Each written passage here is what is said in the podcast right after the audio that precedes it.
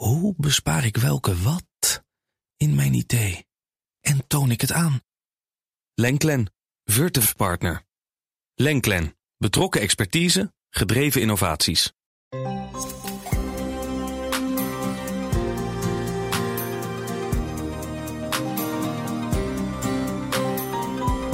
Dit is de Carbon Podcast, een podcast van Nieuwsbureau Energia en Grenzeloos Journalistieke Producties. Ik ben Tijdo van der Zee en in de komende 10 afleveringen van dit nieuwe seizoen verken ik de wereld van de negatieve CO2-emissies.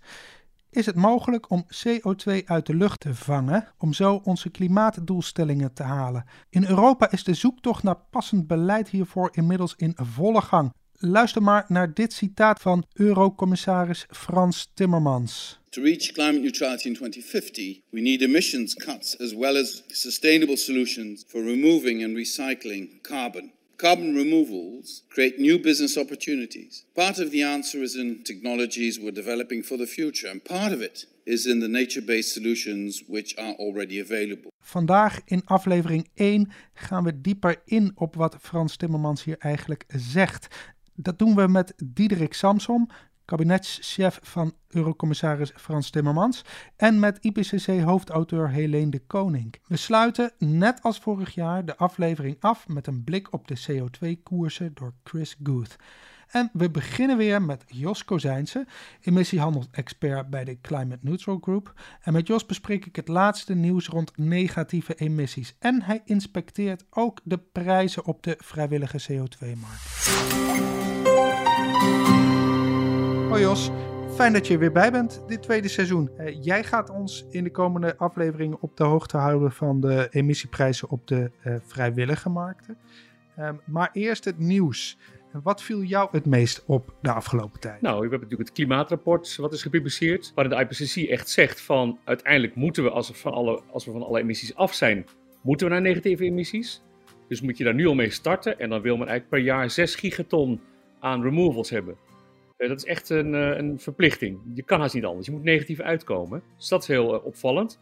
Maar tegelijkertijd buitelen er berichten en NGO's en politici om zich heen. Van ja, dat is riskant, ze zijn te duur, ze zijn er nog niet alsof ze daar ja, zonder kunnen.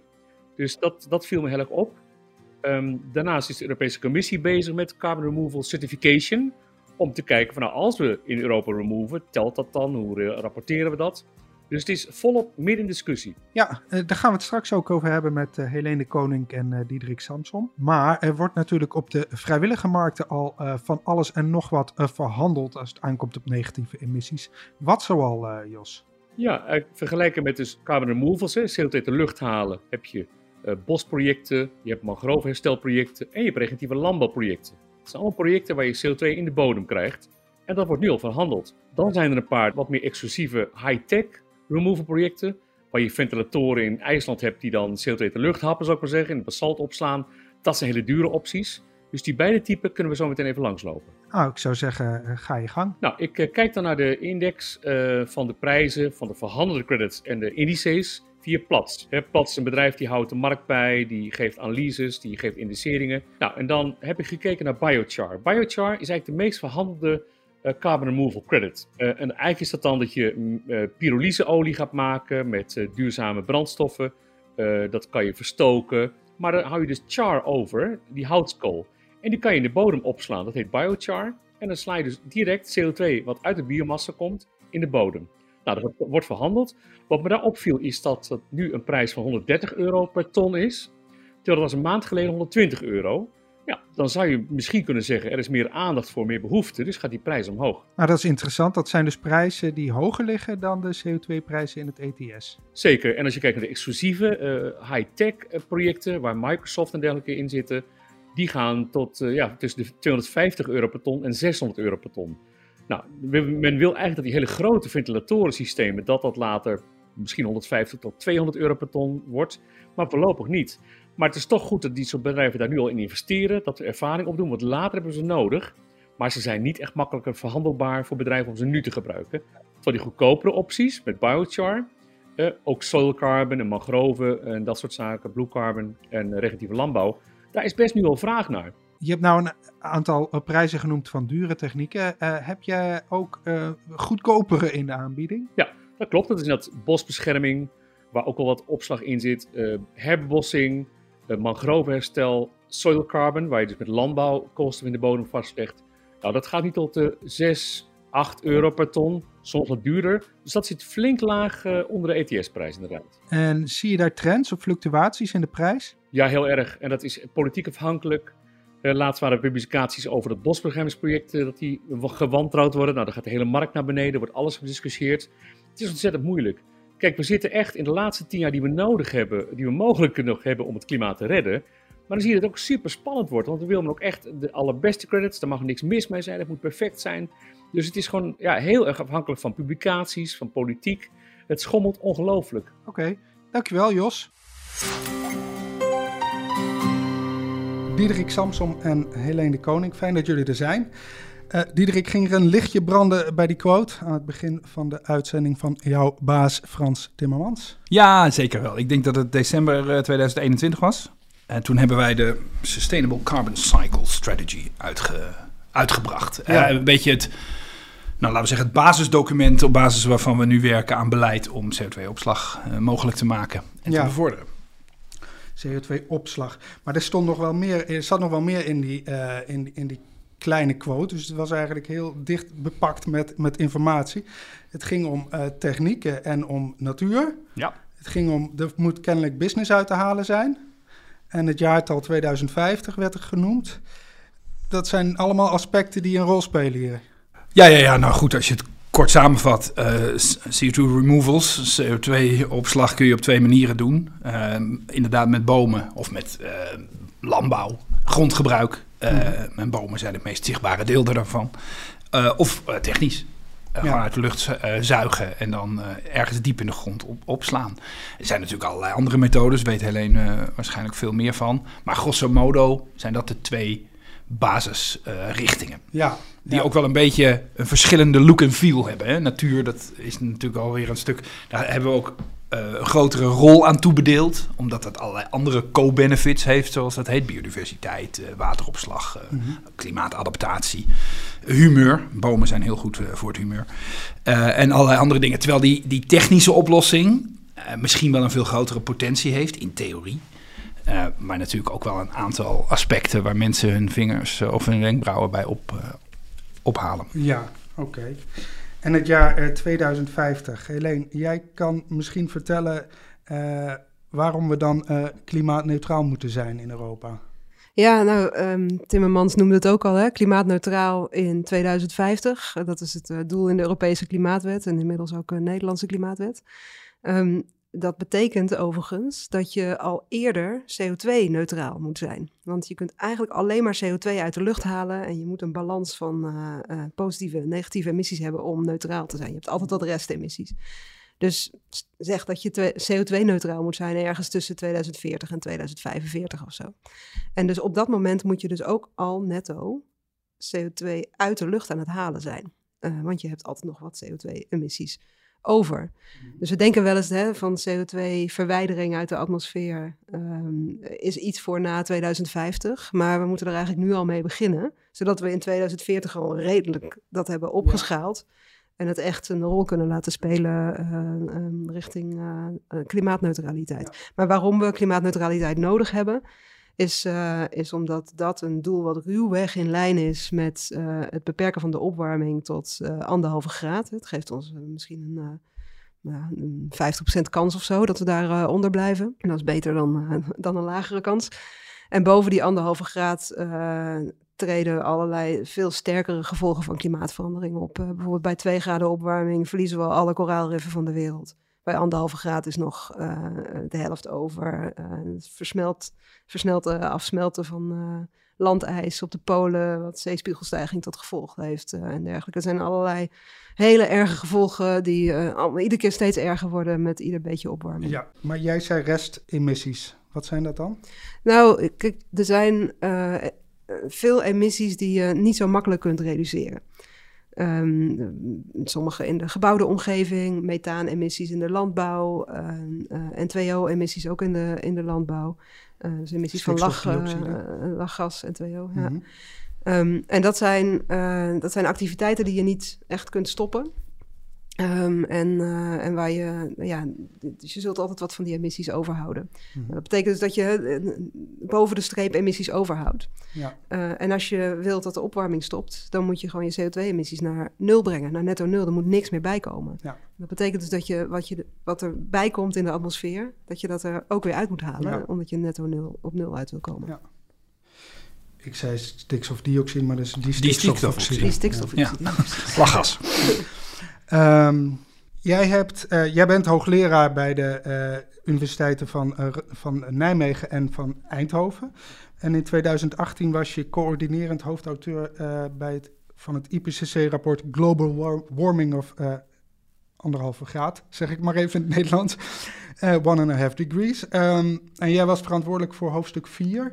Kan je vertellen waar dat over ging? Ja, dat, dat was eigenlijk het hoofdstuk wat ging over alles wat je doet tegen klimaatverandering.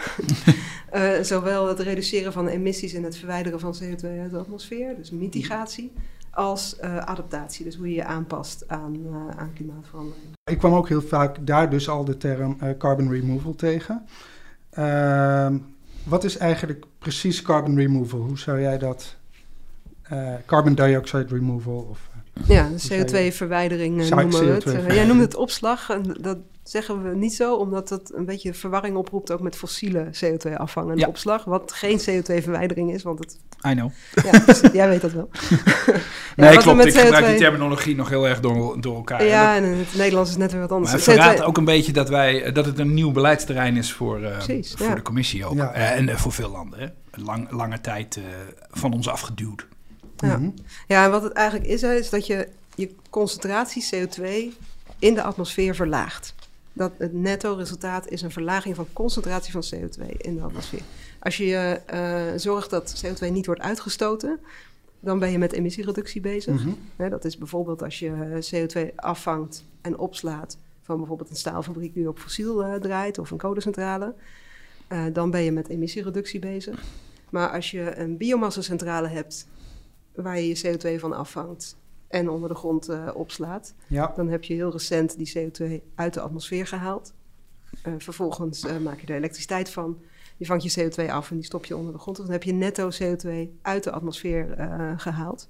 en dan, dat is een voorbeeld van een technologie die we CO2-verwijdering noemen. Ja. Maar bomen doen het dus ook. Bepaalde landbouwtechnieken doen het. mineralisatieprocessen versnellen kan het mm -hmm. doen, et cetera.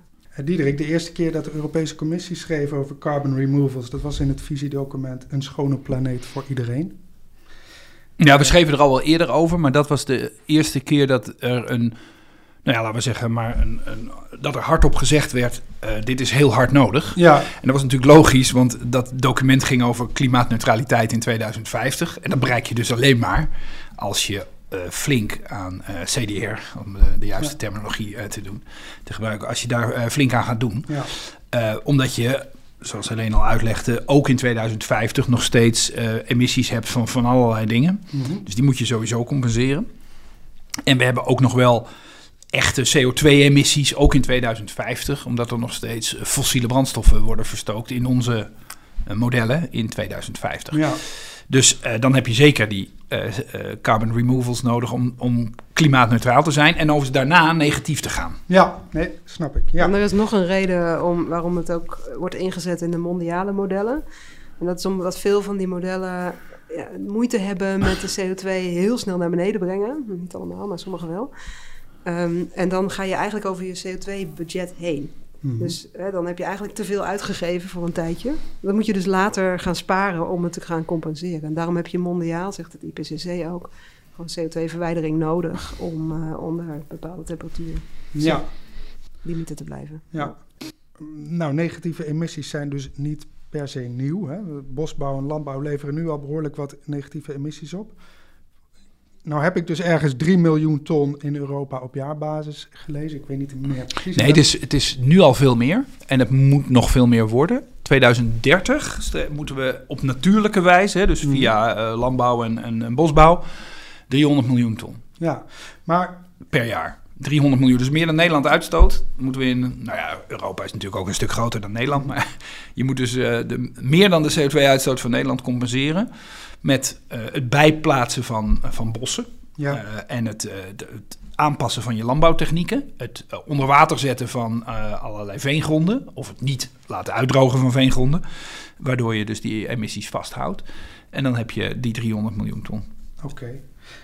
Um, en Helene, hoe kan dat? Hoe, hoe gaat dat in zijn werk? Is dat uh, bestaande bossen anders beheren? Is het uh, nieuwe bossen aanplanten? Wat, wat? Nou, goede vraag. hoe gaat dat, uh, ja, Nou ja, dat is een, een, enorme heftige discussie. Vooral, en dat zal niemand wat verbazen, in Finland en Zweden. De landen waar echt veel bossen zijn. Ik zeg ook altijd heel uh, vrolijk als ik weer eens een felle discussie heb met de Zweden en de Finnen over dit beleidsterrein. Hè. Het, mm -hmm.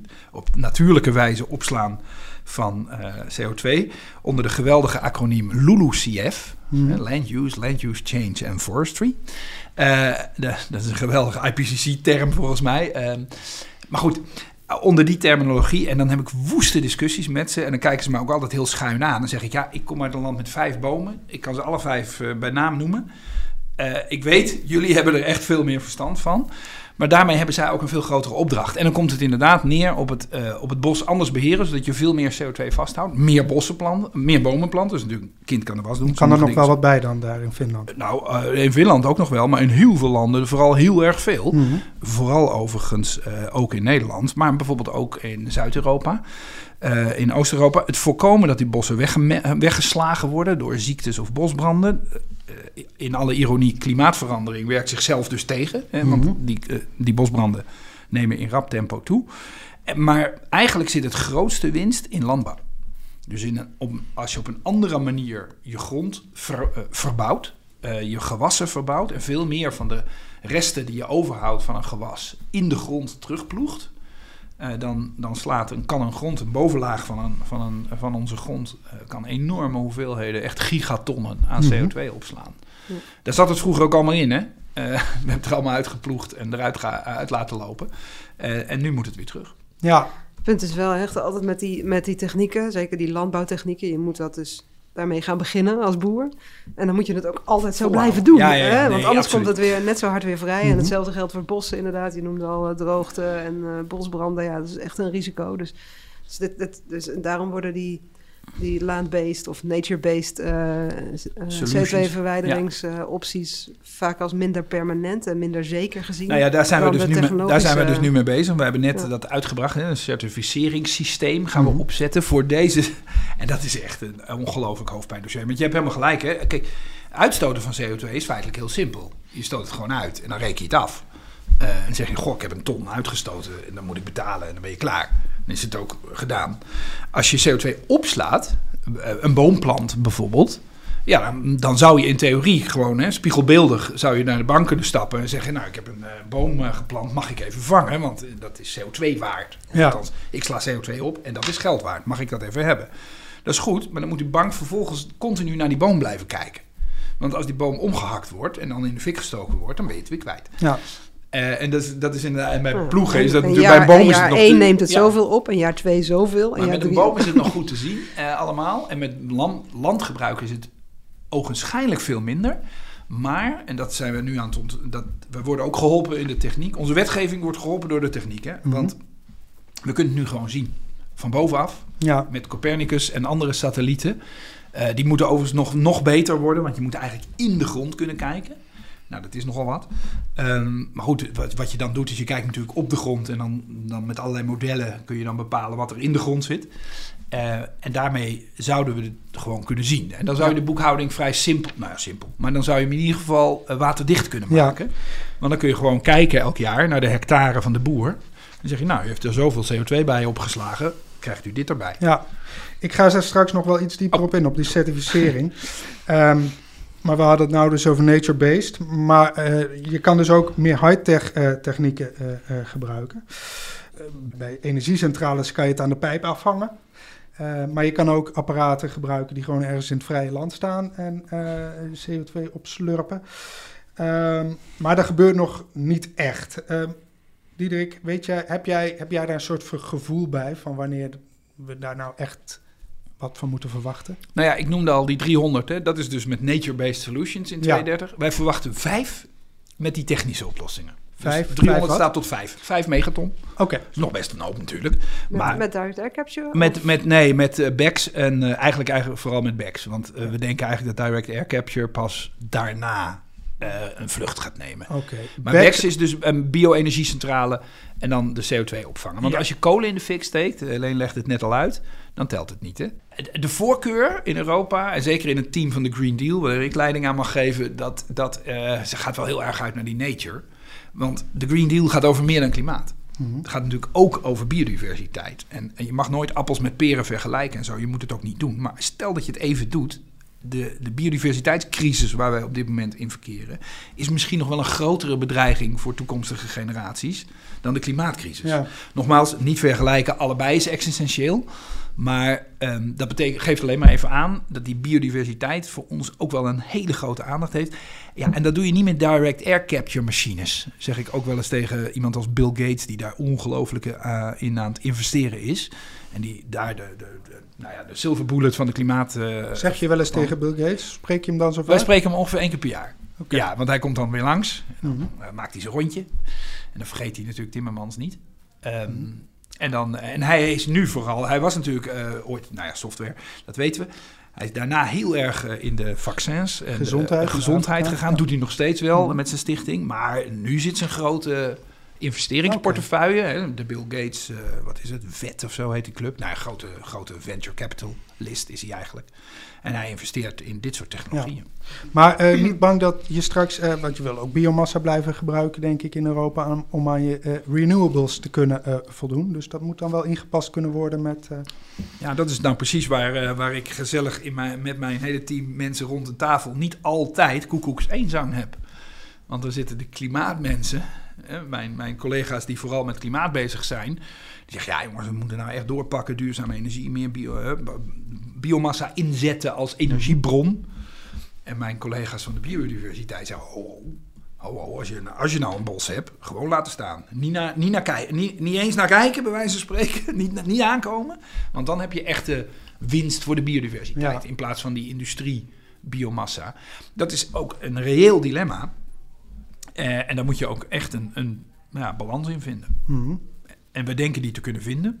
En wij leunen dan vooral, wij zeg ik dan even de Europese Commissie op dit moment, leunt dan best wel veel in die nature solutions. Want ja, veel natuur is mooi. Ja, Het punt is, eh, met al die, die CO2-verwijderingsopties, hè, die kosten ofwel veel land, of veel energie, of allebei. Ja, klopt. Ja. Eh, en, eh, en, en dus, daar, dus het is altijd schipperen. Hè? Ze zijn eigenlijk altijd duurder, moeilijker dan je emissies reduceren. Wat bovenaan zou moeten Ja. staan, altijd. Weet je wel? Iedere ton die je een jaar eh, later reduceert, moet je later uit de, uit de lucht gaan halen.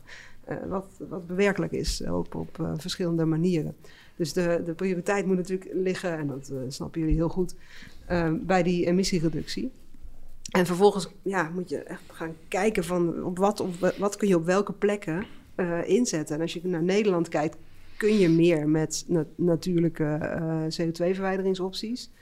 Maar in Nederland, als we zeggen van we willen onze eigen restuitstoot zelf op eigen grondgebied mhm. compenseren met CO2-verwijdering, dan kom je niet zo heel ver. Weet je wel, Nee. wel wat oppervlak, maar dan kom je op een paar megaton. Dat is niet, eh, niet echt heel veel. Ook met veenweideherstel en landbouw en zo. Ja. Ehm, dus, dus, dus kijk Nederland eerder, weet je wel, we hebben nog een paar oude kolencentrales die toch bijna dicht moeten. Nou, weet je wel, maak daar biomassa van en doe iets met CCS misschien. En, eh, en, en, en we hebben ook een, een paar bedrijven die, eh, die kijken naar direct air capture, waar, waar je eigenlijk per vierkante meter meer CO2 uit de lucht kan halen. En, en landgebrek is gewoon. Dus, je hebt, dus je er hebt zelf ook onderzoek gedaan naar eh, CCU. Hè? Eh, kan je vertellen wat het is en heeft dat potentie? Ja, eh, dan heb je het dus niet over CO2-verwijdering. Of in heel uitzonderlijke gevallen wel, maar meestal niet. We moeten heel lang meegaan. Ja, precies. Eh, dat gaat eigenlijk over CO2-afvang en hergebruik. Dus Ja. eigenlijk dat je dan je CO2 of je carbonatomen daarin, koolstofatomen, eh, gebruikt in producten. Mhm. eh, waar ze En ook de U staat dan voor. voor utilization of, of, of reuse wordt het ook wel genoemd. Ehm, Um, een, een AIO van mij, Kiana de Klein, heeft een prachtig paper daarover geschreven... waarin ze alle mogelijke routes van CO2-afvang en utilization helemaal heeft doorgerekend. Mhm. Uh, en, uh, en gekeken, in 2030 zijn ze op dat moment uh, zijn ze volwassen genoeg en zijn ze goed genoeg. Dus reduceren ze emissies voldoende. Want het punt, hè, de meeste CO2-afvang- en hergebruikopties die willen mensen inzetten om vervolgens bijvoorbeeld er kerosine van te maken, vloeibare brandstoffen. Maar ja, die steek je natuurlijk binnen een paar dagen in de fik en dan gaat die CO2 weer de lucht in. Uh, dus dan heb je je, je, uitstoot wel uitgesteld en je hebt iets vervangen, ja, om fossiele kerosine. Uh, maar tegelijkertijd heb je heel veel energie gestopt in het omzetproces en die CO2 zit dus weer in de lucht.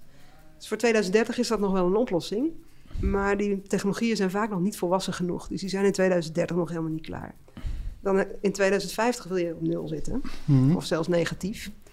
Nou ja, dan kun je eigenlijk niet meer met kerosine uh, toe, tenzij je uh, atmosferische koolstof gebruikt. Dus het via biomassa of die, uh, direct air capture hebt gedaan. Dus eigenlijk heb je drie, drie dingen. Eén is, waar haal je je koolstof vandaan? En het liefste heb je dat uit de atmosfeer. Twee is, wat voor energie gebruik je in, in het proces? Die moet CO2-vrij zijn.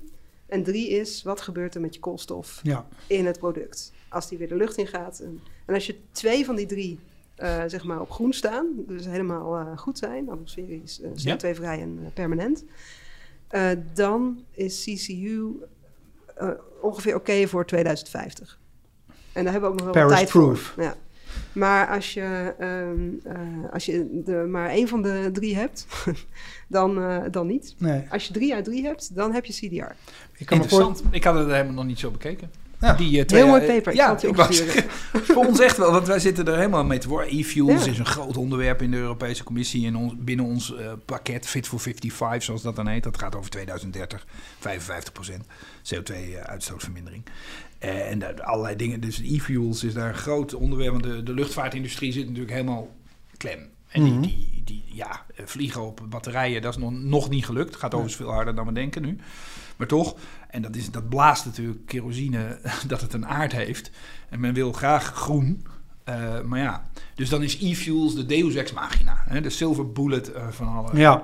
Dus daar worden, en, en dat, nou ja, dat is nou precies zo'n zo'n CCS. Dus als je eh, die kan dus nooit drie van de drie worden. Want ja, je steekt het in de fik. Dus die derde is, is sowieso derde is uit, dus mislukt. Je moet die de eerste twee. En dan kan je voor 2030 heb je dan nog een beetje... En daarna is het eigenlijk... Nou ja, goed, je stoot niet meer uit. En kan het nou zijn dat vol inzetten op uh, carbon removals ons eigenlijk een beetje lui maakt? Als we al onze kaarten daarop zetten in de hoop dat dat heel goed gaat... Mhm. dan gaan we misschien wat minder CO2-emissies reduceren. Want dan zeggen we, nou, het maakt niet uit, dan haal je het straks toch weer uit. Dat, dat proberen we ook af te dekken. Zo hebben we bijvoorbeeld in de klimaatwet, um, de Europese klimaatwet, hebben we afgesproken dat je CO2-removals um, maar deels, maar maximum voor een bepaalde hoeveelheid mag meetellen. 215 megaton om precies te zijn. We gaan dus naar 300. Die 85, die, die mag je niet inzetten om minder te hoeven reduceren. Die moet je dus gewoon bovenop de 55% zetten. Dus Europa gaat straks ook meer dan 55% CO2 reduceren. Gelukkig, want dat moet eigenlijk ook gewoon. Ehm, en dat is nou precies met in het achterhoofd het, het risico dat als CDR heel goed gaat, of eigenlijk als ik moet, ik moet zeggen, als we denken dat CDR ooit een keer heel goed gaat, dat we dan nu al gas terugnemen, no pun intended, bij het, uh, het, verminderen van onze emissies. Zie jij dat risico ook, Helene? Ja, heel duidelijk. Uh, ik heb eerder, uh, dat weet je nog wel, Diederik, twintig jaar geleden of zo, veel gewerkt aan CO2-afvang en opslag. En dat was toen, die had, die had datzelfde moral hazard. Hè? Dus dat je mhm. door die optie te hebben, dat je denkt, oh, ik kan mijn investering in hernieuwbaar en energiebesparing wel even uitstellen. Um, en, en datzelfde gevaar uh, dreigt met, uh, met CO2-verwijdering. En je ziet het ook nu al, hè, dat, uh, dat het wordt een beetje vermengd met de offsets-discussie. Dat bedrijven eigenlijk hun huidige uitstoot gaan afkopen.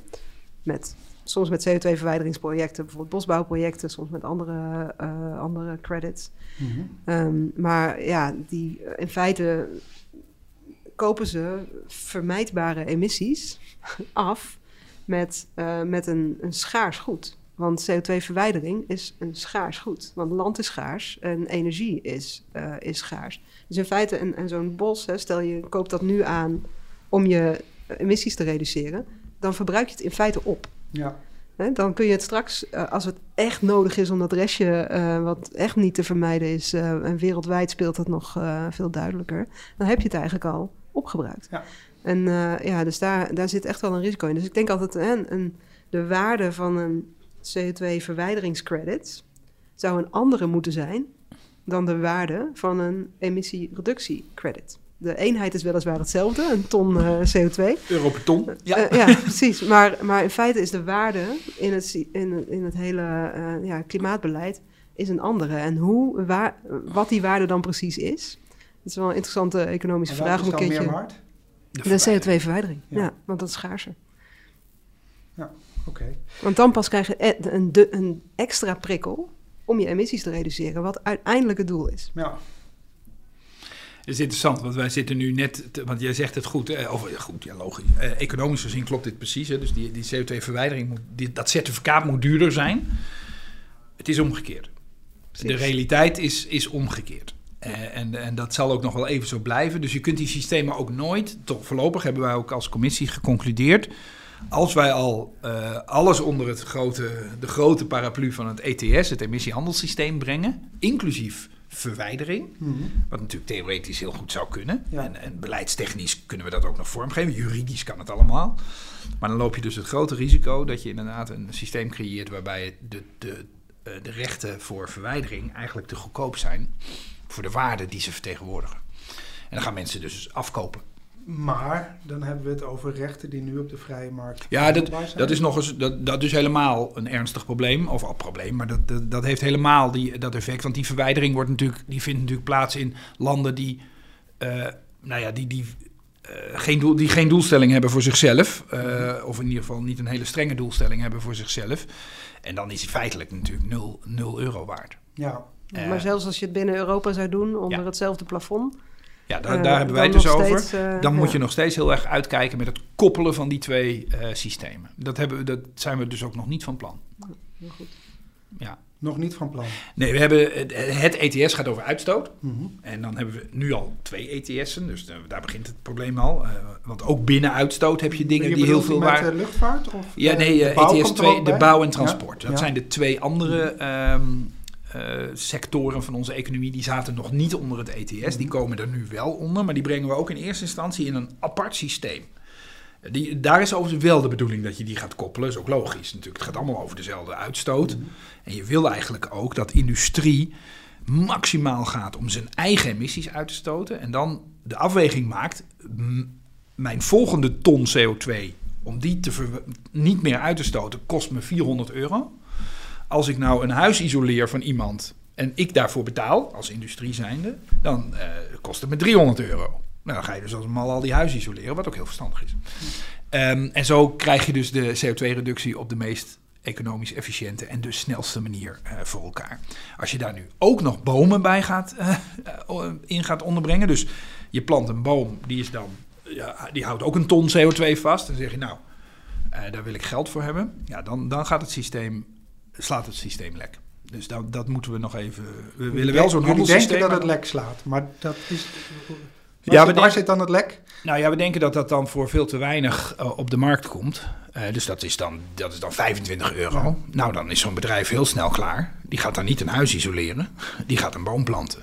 Wat heel lief is. Maar op een gegeven moment is dat natuurlijk een, een, een reductie die, uh, nou ja, die, die duurder zou moeten zijn dan wat een bedrijf ervoor betaalt. Het punt is dat het bedrijf dan nog steeds CO2 gaat uitstoten. Precies. Omdat die, die maatregelen van 300 ja. of 4, die huizen worden niet geïsoleerd. Een boom wordt geplant die je eigenlijk nodig hebt om uh, 30 jaar later uh, die CO2 uit de lucht ja. te houden. Ja. ja. Um, Diederik, jij had het er net al over, hè, over certificering. Um, er is dus onlangs een, een expert, expertgroep is er opgericht ja. om uh, te gaan adviseren over hoe je dat het beste zou kunnen gaan doen. Ja. Volgens mij zijn ze al één keer samengekomen, uh, online grotendeels. Um, maar waarom is dat belangrijk, dat certificeren?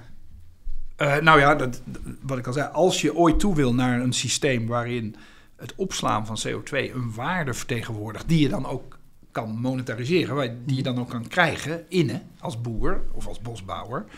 Ja, dat begint natuurlijk wel met dat je er een certificaat bij, bij levert. Dus dat je vastlegt, certificeert, eh, met allerlei protocollen en controles en de hele mikmak. eh, over wat, hoeveel CO2 je dan hebt opgeslagen en of dat de juiste ehm, kwaliteit heeft. In de zin dat het dan ook permanent opgeslagen is, en et cetera. Ehm, en om dat te certificeren, man, dat is een, hele, dat is een heel melkwegstelsel aan, aan, aan problemen wat je dan eh, op je eh, Ja. hals haalt. Eh, en, dan, en daar heeft die expertgroep zijn tanden in gezet. Overigens niet als enige. Hè. Dit is een systeem wat wereldwijd, of dit, dit vraagstuk wordt wereldwijd geadresseerd. Mhm. Maar ik moet wel toegeven, overal ter wereld zijn die systemen verre van waterdicht. Ja, En, en dus heeft de EU gezegd, ja, wij kunnen niet ons, ons verlaten op een, op een ander systeem. Mhm. Hè, Verra of hoe heet die Vera, hoe heet die, dat zou je kunnen doen. In, in, In theorie. principe- ja. in theorie hadden we kunnen nemen. Nou, we kijken gewoon naar een commercieel systeem. Dat ziet er wel leuk uit. Eh, En er zijn ook eh, NGO's die het doen. Hè. Ik geloof dat Wereld Natuurfonds nog steeds of andere NGO's. Dus er zijn ook wel met de beste bedoelingen en niet uit commercieel oogpunt zijn er echt wel van dit soort systemen bedacht en opgezet. Maar eh, goed naar kijkend, geen enkele komt in de buurt van wat echt nodig is om te garanderen dat die CO2 dan ook daadwerkelijk verdwijnt uit Ja. de atmosfeer en niet meer terugkomt. En Wat zijn er dan criteria waar je aan moet voldoen om, om, om zo'n certificaat te halen? Is. Nou, je, je moet aantonen, even grof, grof, grof gezegd is het, is het heel eenvoudig. Je moet aantonen dat de, ho- hoeveel CO2 je uit de lucht hebt gehaald, op Mhm. welke manier je dat hebt gedaan. En daarmee garanderen dat het ook niet meer terugkeert Mhm. in de atmosfeer. En dat is natuurlijk buitengewoon, ik zei al, dat is buitengewoon ingewikkeld. Want bij een uitgestoten CO2 is de zaak gedaan bij de uitstoot, letterlijk. Dus de transactie is gepleegd. Je stoot CO2 uit, je betaalt ervoor en niemand komt er nog ooit meer op terug. Ja. Bij een boom blijft dus, moet, het, is het certificaat van waarde zolang de boom maar staat. Ja. Eh, Die, eh, maar die, die, die expertgroep die heeft dus al een keer vergaderd. Die was gewoon ook online te zien. Dus wel leuk eigenlijk. heb je meegekeken? Ik heb gedeeltelijk nee, teruggekeken. Oh, zeggen. Ehm, maar er was dus wel oneenigheid eh, meteen natuurlijk in zo'n, in zo'n groep. Het, zijn, het is een expertgroep waar, waar allerlei NGO's bij zitten, experts. eh. Maar dus rondom bijvoorbeeld CCS was er al heel snel onduidelijk van wanneer is CCS nou eigenlijk carbon removal?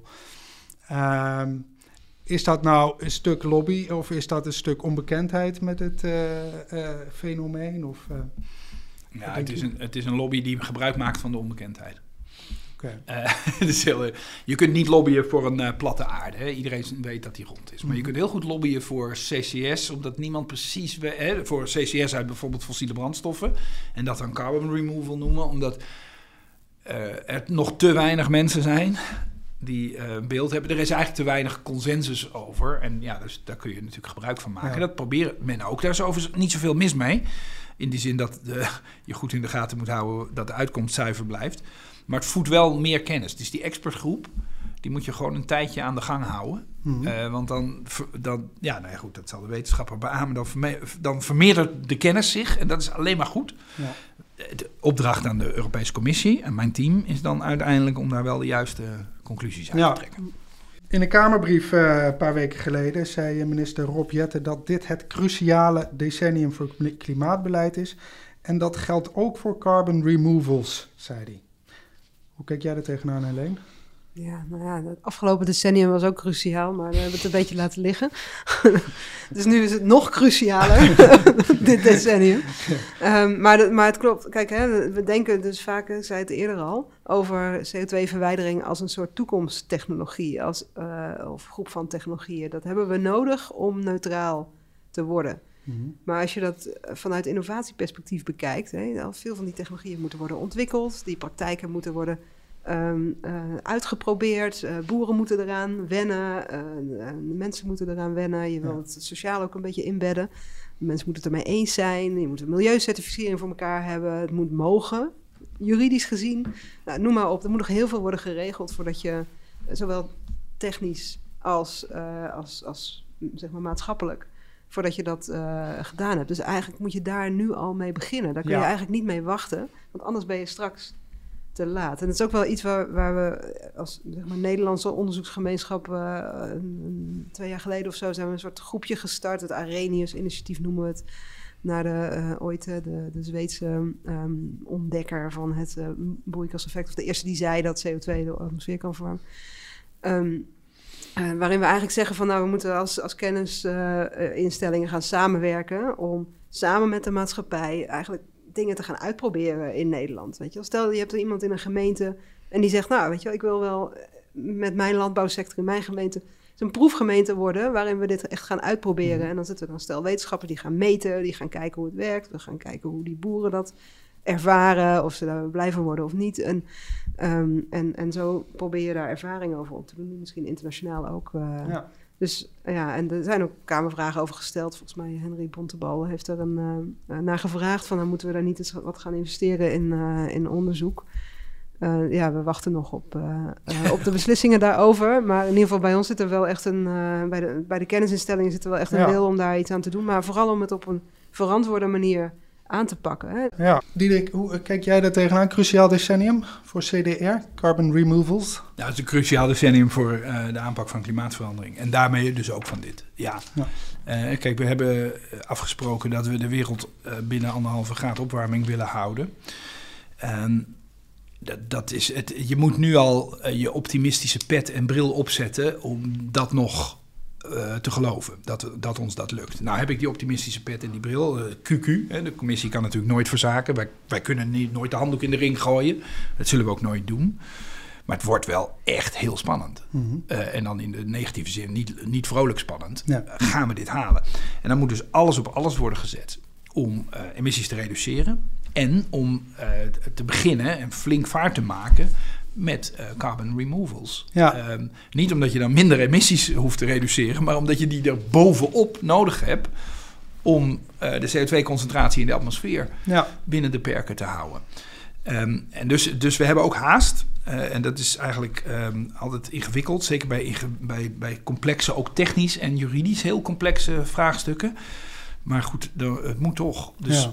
Uh, die certificaten, hebben dat framework hebben we nu neergezet. Nou, dan moeten we dat heel snel uh, met elkaar afspreken, uh, echt vastleggen juridisch. Dan kunnen we per sector, hè, per techniek gaan bepalen hoe dat dan gecertificeerd wordt. En dan hopen we dat het echt een waarde krijgt. Hè, dus CDR echt een waarde vertegenwoordigt, zodat een boer dus nu, en nou ja, de discussie is hier dagelijks gaande, waar moeten boeren straks hun geld nog mee verdienen? Nou, hiermee. Althans, niet als enige. Maar bovenop ja. de inkomsten die je dan hebt uit je graan. Maisstengels onder je, ploegen. Nou, bijvoorbeeld. De eerste modellen daarvan, die zijn wel interessant. Die, mm -hmm. Daar zouden boeren uh, best heel vrolijk van kunnen worden. Want die gaan straks carbon farming, zoals dat dan heet. Dat ja. gaat een enorme bak met, met omzet en dus ook met mogelijke inkomsten opleveren. Ja. Ik dank jullie voor deze uh, mooie laat ik zeggen, introductie voor, de, voor het tweede seizoen van de Enige Carbon podcast. Want dat is het. Dank u wel. Graag gedaan. Graag gedaan. En dan gaan we tot slot naar de actuele CO2-prijzen in het ETS met Chris Guth.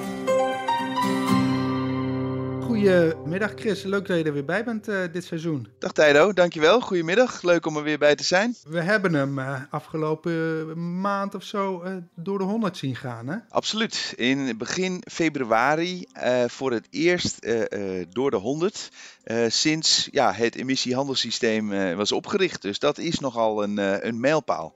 Ja, hoe, hoe kwam het zo? Het wordt steeds duidelijker dat uh, nou, het beprijzen van emissierechten een hoeksteen gaat worden van het Europees beleid. En niet alleen Europees, je ziet het ook in de continenten om ons heen uh, steeds belangrijker worden. Mm -hmm. Dus dit is denk ik wel iets wat uh, een soort bevestiging is van, nou ja, dit is echt wel een weg voorwaarts om onze emissieproblematiek te tackelen en die op de wat langere termijn te zien te, zien te reduceren. Maar ja. die 100 was kort van duur, uh, kan, ik je, kan ik je inmiddels vertellen. Ja, waar zitten we nu? We zitten nu op de 88 euro per ton. Eh, op het moment. Dus dat is echt een, heeft een flinke smak naar beneden eh, gemaakt. Je ziet met name dat de onrust vanuit de financiële wereld, hè, met het omvallen van die aantallen eh, banken in de mhm. VS en daarna ook bij ons in Europa, dat dat sentiment nogal doorwerkt op onder andere het emissiehandelssysteem en de prijzen daarvan. dus in een week tijd zijn die prijzen met, met pak een beet ja, 12, 13 procent afgenomen. Dus dat 100 eh, is nog wel weer even te gaan. Waar gaat het nu heen de komende tijd? Eh, ik denk dat het wel heel lastig zal worden om eh, nou, significant boven de 100 te gaan verwachten de komende maand. Wij hebben natuurlijk vorig jaar tegen extreem hoge gasprijzen aan zitten kijken. Ehm, nou ja, even vandaag de dag zijn, die zo'n 80% lager ten opzichte van de piek van vorig jaar in, in, in augustus, september. En wat dan heel belangrijk wordt, is dat het prijsniveau van gas voor de opwekking van elektriciteit weer bijna interessanter wordt. Dus eh, je gaat zien dat als die gasprijs nog verder omlaag gaat, dat dan ehm, eh, gascentrales lucratiever worden om in te zetten voor de elektriciteitsproductie versus kolencentrales. Natuurlijk een Ja. situatie wat vorig jaar net andersom was. Mhm. Ehm, en op het moment dat gascentrales lucratiever worden om in te zetten voor de elektriciteitsproductie, ga je zien dat er ook minder vraag naar emissierechten eh, ontstaat. Dus dat is één hele, een hele eh, belangrijke. Ehm, nou ja, een andere eh, is natuurlijk van hoe de samenstelling van ons eh, elektriciteitsproductie in Europa eh, plaatsvindt. Eh, vorig jaar waren er nogal wat issues als we het hebben over de hydrokant, hè, dus de productie met waterkracht, wat dus emissievrij is. En hoe meer eh, middels hydro opgewekt kan worden, bepaalt nogal hoeveel onder andere kolencentrales en gascentrales moeten Ja. worden ingezet. De, de stuwmeren staan weer wat voller. Eh, het zag er heel slecht uit. Eh, die zijn de laatste weken weer iets verbeterd. Hè? Dus, dus met name in de Alpenlanden eh, eh, zie je dat die reservoirs eh, wat meer richting het gemiddelde eh, zijn gekropen. Maar we hebben gezien voornamelijk de, de, de zeer beperkte sneeuwval. En die, daar kom je pas in mei en in juni achter. Want wat niet gevallen is, gaat ook niet smelten in die maanden. Dus eh, het blijft spannend op dat vlak. Dus wat we eigenlijk zien is eh, straks waars- waarschijnlijk minder water, maar tegelijkertijd gas eh, begint een soort van tipping point met kolen te krijgen. En dan zal zich dat een beetje uitlevelen of zo? Zeer waarschijnlijk wel. Ja, dus dan blijven we toch weer rond die 80 hangen. Het lijkt mij een reële verwachting voor de komende week. Nou ja, wat zullen we zeggen? zitten nu op 88, zei ik. Dus ergens tussen de 95 85 lijkt me een reële range. Dankjewel Chris. Dankjewel Tijdo, tot de volgende keer. Dank voor het luisteren naar deze aflevering. In de volgende aflevering gaan we het hebben over eh, Carbon Capture and Storage, CCS, en de bio-variant hiervan, BECS. Eh, wat kunnen we hiervan verwachten? Wat zijn de hindernissen? Mis de aflevering niet en abonneer je dus op de Energia Carbon podcast in je favoriete podcast